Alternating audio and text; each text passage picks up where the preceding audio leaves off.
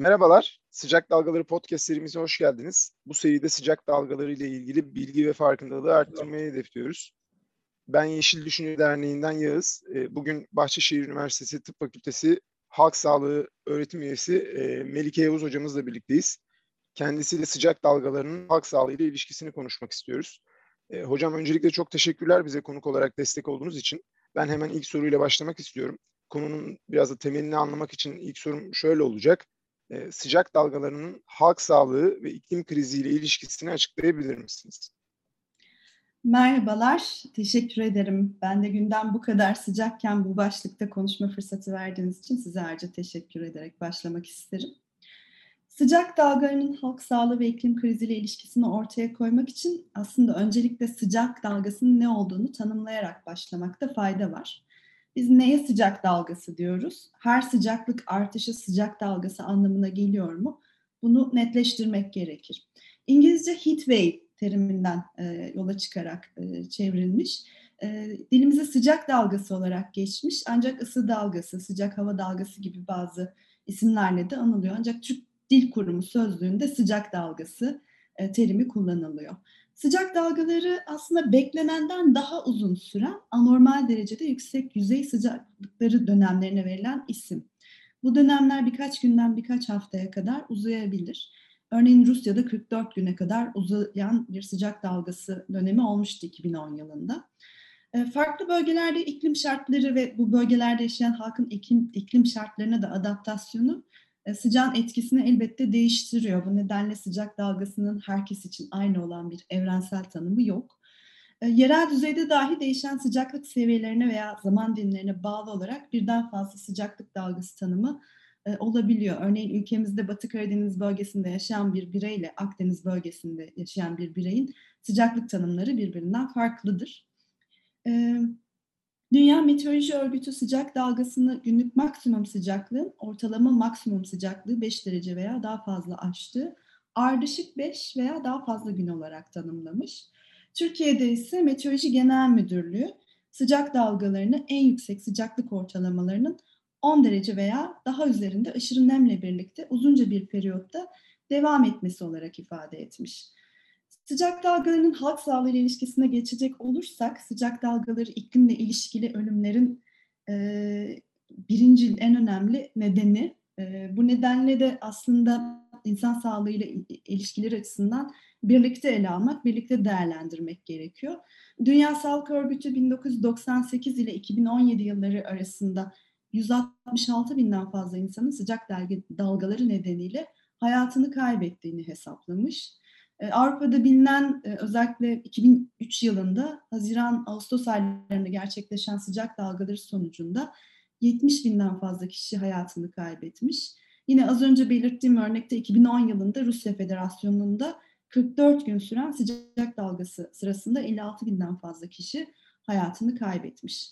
Ölüm sıcak dalgalarının doğrudan ve aslında en görünür nedeni ama bunun dışında sıcak dalganın çok çeşitli sağlık sorunlarıyla ilişkisi var. Bunları doğrudan ve dolaylı etkiler olarak iki başlıkta sınıflandırabiliriz.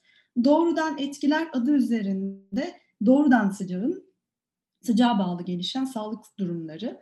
Ee, sıcak çarpması bunların en bilineni.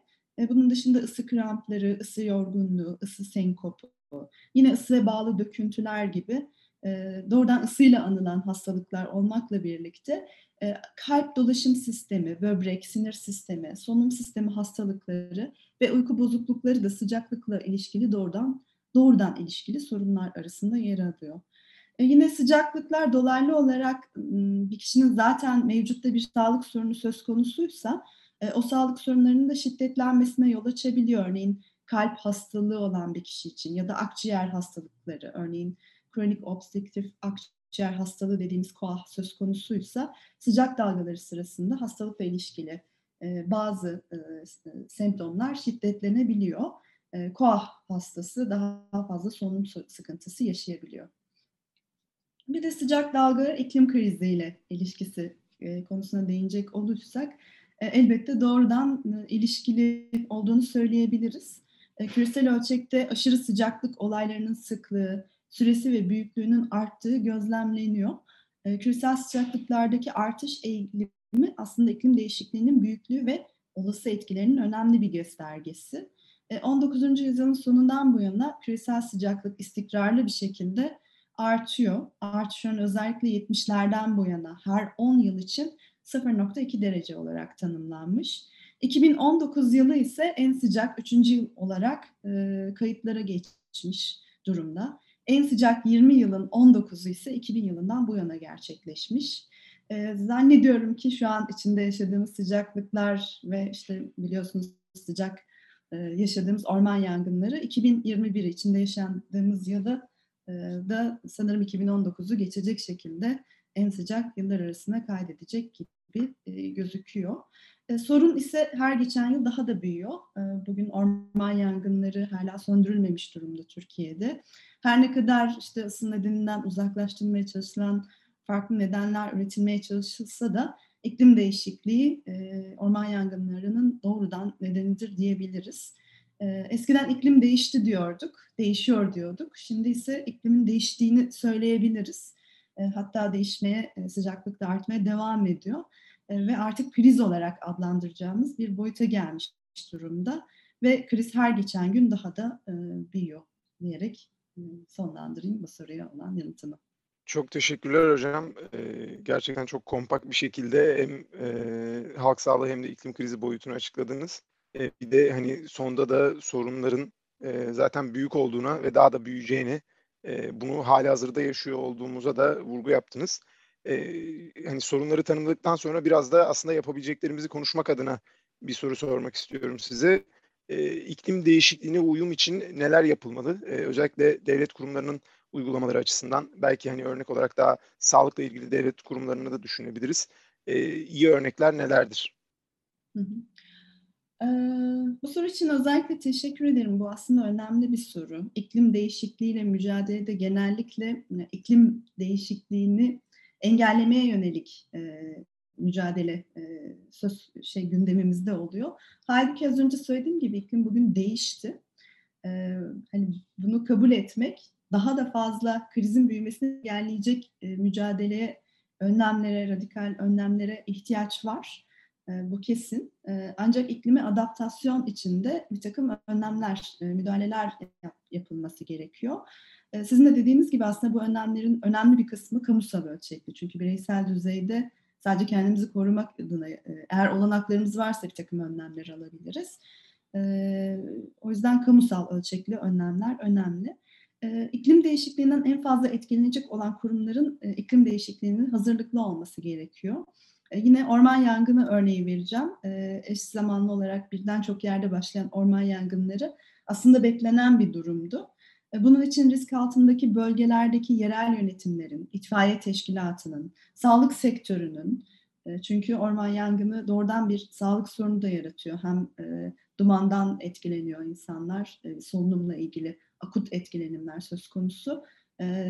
Bir yandan da orman yangının yarattığı hava kirliliği nedeniyle bir takım hastalıkların da alevlenmesi, şiddetlenmesi söz konusu. Bu nedenle sağlığa olan talep de artacak. E, buna hazırlıklı olmak gerekiyordu.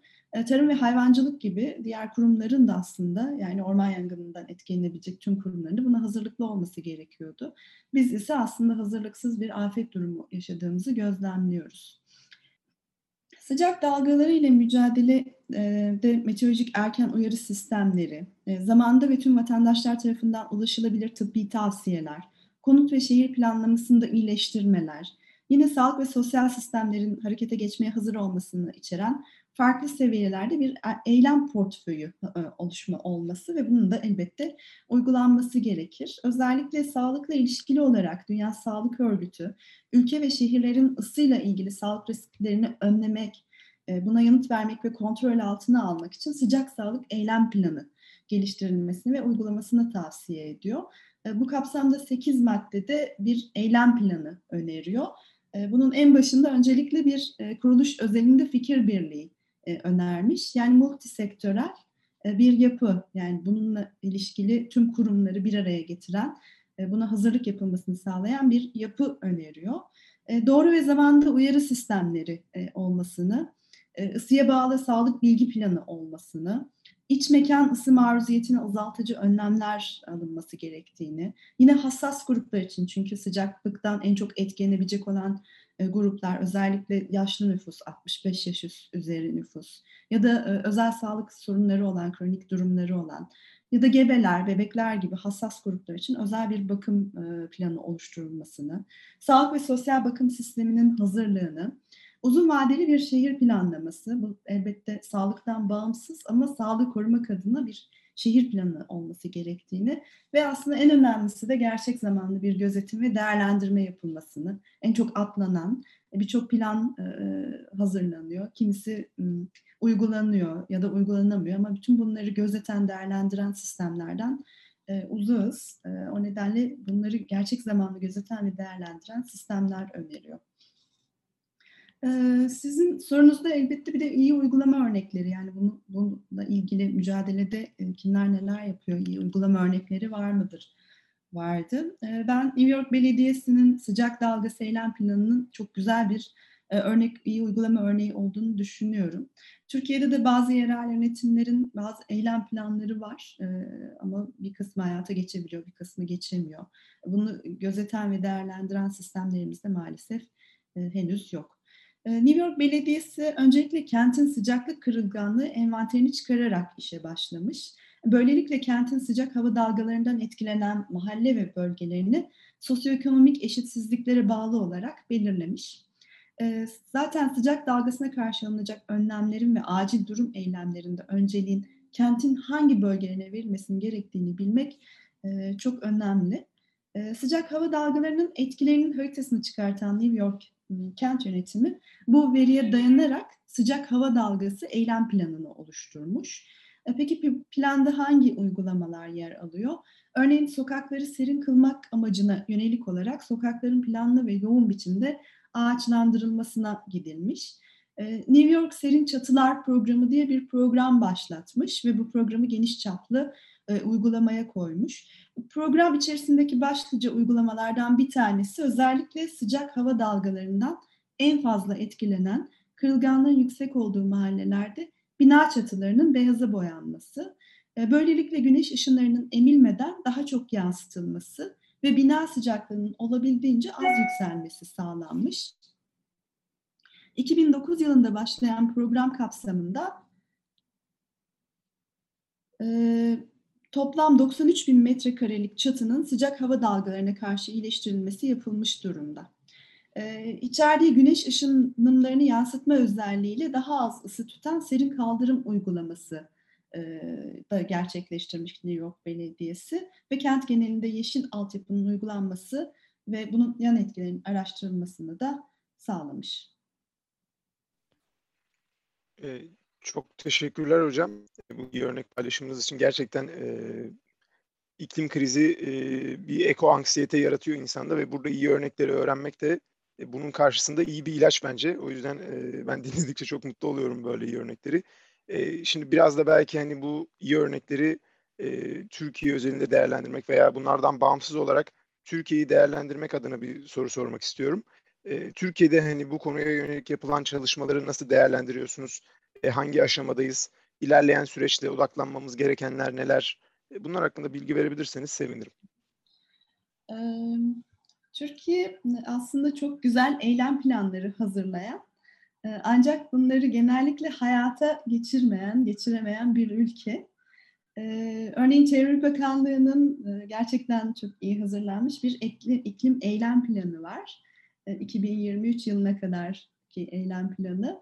Ee, ancak bu eylem planının ıı, çok büyük bir bölümünün hayata geçirildiğinden bahsetmek çok mümkün değil. Ben mesela bir sağlıkçı olarak sağlık alanında hazırlıklılık anlamında eylem planı içinde yer alan iki başlık. Bir tanesi sağlık çalışanlarının kapasitesinin geliştirilmesi, bir diğeri de sağlık kurumlarının buna hazırlık anlamında kapasitesinin geliştirilmesi eylem planında yer alıyor ama bunlara dair herhangi bir şey gözlemlediğimi söyleyemeyeceğim açıkçası. yapılıyorsa da belki çok sınırlı düzeyde örnek olabilecek bir prototip düzeyinde uygulamalardır. bunu kendim sağlık alanından çok uygulandığını söyleyemeyeceğim. E, ayrıca ülkemizde e, yapılan eylem planlarının gerek e, merkezi yönetimin gerekse yerel yönetimlerinin hazırladığı eylem planlarının uygulanmasını izleyen ve değerlendiren e, sonrasında da e, eğer uygulanmıyorsa gerekli uyarıları ve buna ilişkin baskıyı yapan herhangi bir mekanizma yok. Bir kurumsal yapılanma ya da bir kamuoyu durumu söz konusu değil. Yani yasa çıkarmak iyi bir şey ancak bu her zaman onun uygulanabileceği anlamına gelmiyor. E, o anlamda da ben e, buradan belki bir kamuoyu yaratmak adına e, özellikle sivil toplumdan başlayarak e, bir, bir, bir plan yapılması, yürütülmesi, bir araya gelinmesi gerekir diye söyleyebilirim. New York Belediyesi örneğindeki gibi olmasa da çeşitli yerel belediyelerin yerel yönetimlerin bu konuda bazı planları, bazı uygulamaları söz konusu. İstanbul Büyükşehir Belediyesi'nin de hani bu konuda çalışmaları olduğunu, iklimle ilişkili bir özel çalışma grubu oluşturduğunu, buradan destek alarak bir takım projeler aracılığıyla da hayata geçirdiği uygulamalar olduğunu biliyorum. Ancak bunlar henüz bence çok yetersiz, çok görünür değiller hissedilir değiller. Yani toplum tarafından bir vatandaş olarak İstanbul'da yaşayan bir kişi olarak öyle olmadığını söyleyebilirim. E, onun dışında e, bir Paris Anlaşması'nı hatırlatmakta fayda var. E, 2016 yılında farklı ülkeler tarafından imzalanarak yürürlüğe girmiş. E, amacı da küresel ısınmayı 2 derecenin altında e, tutmayı hedefleyen e, bir anlaşma. Türkiye hala bu anlaşmayı imzalamış durumda değil. Bunu hatırlamak, farkındalık yaratmak ve aslında ülkemizin de bu anlaşmayı imzalaması için bir kamuoyu, bir baskı yaratmak gerektiğini düşünüyorum. Ancak sıcak dalgalarına hazırlıklı olmadığımız, bugün yaşadığımız orman yangınları örneğinden de anlaşılacağı üzere belirli. Dediğim gibi yani yasa çıkarmak, eylem planını hazırlamak onun uygulanacağı anlamına gelmiyor bunun takipçisi olacak e, bir mekanizma üretmek gerektiğini düşünüyorum. Çok teşekkürler hocam. Ee, yani bu da çok somut, kompakt bir cevap oldu. Biraz da vaktimiz kaldı bu bakımdan. Ee, o bakımdan ben şeyi sormak isterim. Ee, alabileceğimiz bireysel önlemler, yani burada sağlığımızı korumak açısından ne gibi bireysel önlemler var? Siz ne önerirsiniz bir halk sağlıkçı olarak? Bunları da duymak isterim. Çok teşekkür ederim. Yaklaşık iki haftadır bir sıcak dalgasının içindeyiz biz genel olarak Türkiye olarak. Hemen her bölgesi çok yoğun bir şekilde etkilenmiş durumda. Biz de günlerdir İstanbul'da sıcaklar nedeniyle uyuyamıyoruz. Ya da işte soğutmaya çalıştığımızda klimanın yarattığı olumsuz etkilerle karşı karşıya kalıyoruz. Ben içinde bulunduğum derneğim adına bir çevre, iklim ve sağlık için işbirliği projesi diye bir proje içinde yer alıyorum. Halk Sağ Uzmanları Derneği üyesiyim ve bu derneğimiz adına bu projenin yürütücüleri arasındayım. Bu proje Çevre ve Sağlık İşbirliği Örgütü Health and Environmental Alliance tarafından yürütülen bir proje. Aynı zamanda Kocaeli Üniversitesi de projenin ortaklarından bir tanesi. Biz bu proje kapsamında e, Haziran sonunda, e, Temmuz başında yayınladığımız e, sıcak dalgaları bilgi notundan bahsetmek istiyorum. Bu bilgi notunda e, hem e, sıcak dalgaların etkilerinden bahsettik hem de e, bu etkilerden nasıl korunulacağına dair hem kamusal anlamda hem sağlık otoriteleri e, anlamında hem de bireyler için bir takım öneriler sunduk. E, bu öneriler arasında neler var? Ee, öncelikle sıcaktan uzak durmayı önerdik. Günün en sıcak saatlerinde dışarı çıkmaktan, yorucu aktiviteler yapmaktan kaçınmak gerekiyor. Ee, uygun bir alışveriş saati özellikle hassas gruplar için e, belirlemek, e, o saatte ancak çıkmak gerekiyor. Park halindeki araçları ya da hayvanları bırakmamak gerekiyor. Gerekirse günün 2-3 saatini serin bir yerde e, gölgede geçirmek gerekiyor. E, evi serin tutmak için e, gece havasını kullanmayı öneriyoruz. Gün içinde daire veya evin içindeki ısı yükünü panjur veya kepenk kullanarak ve mümkün olduğunca çok sayıda elektrikli cihazı kapatarak azaltmak gerekiyor. Ve elbette vücudu serin tutmak, e, hafif ve bol giysiler ve nevresimler kullanmak ve soğuk duş almak, banyo yapmak sık sık ve bol, özellikle bol sıvı tüketmek, şekerli, alkollü ve kafeinli içeceklerden de uzak durmak gerekiyor ve güneşe maruz kalmaktan e, kaçınmak gerekiyor. Aynı zamanda pandemi bitmedi biliyorsunuz. E, pandemi nedeniyle e, hava sıcaklığından bağımsız olarak da COVID-19'a yakalanma söz konusu ol, o, mümkün olduğu için e, sık elleri yıkamak, yine fiziksel mesafeye uymak e, konusunda da e, dikkatli olmak gerektiğini söyleyebilirim. Çok teşekkürler hocam. Gerçekten bireysel önlemler de aslında önemli. Yani tabii ki e, hani bunun öncesine devletlerin alacağı önlemleri koymak lazım. Ama bu konuda da bilgilendirmeyi, farkındalık yaratmayı biz önemli buluyoruz. Ben tekrardan çok teşekkür ederim bu değerli bilgileri bizimle paylaştığınız için. Son olarak eklemek istediğiniz bir şey var mıdır kapatırken? Ee, çok teşekkür ederim. Ee, çok önemli bir konuya değindiniz. Bana da bu konuda e, en azından halk sağlığı bir farkındalık yaratmak adına fırsat verdiğiniz için e, tekrar teşekkür ederim. Biz teşekkür ederiz hocam. Ee, sevgili dinleyenler bir sonraki podcast'te görüşmek üzere.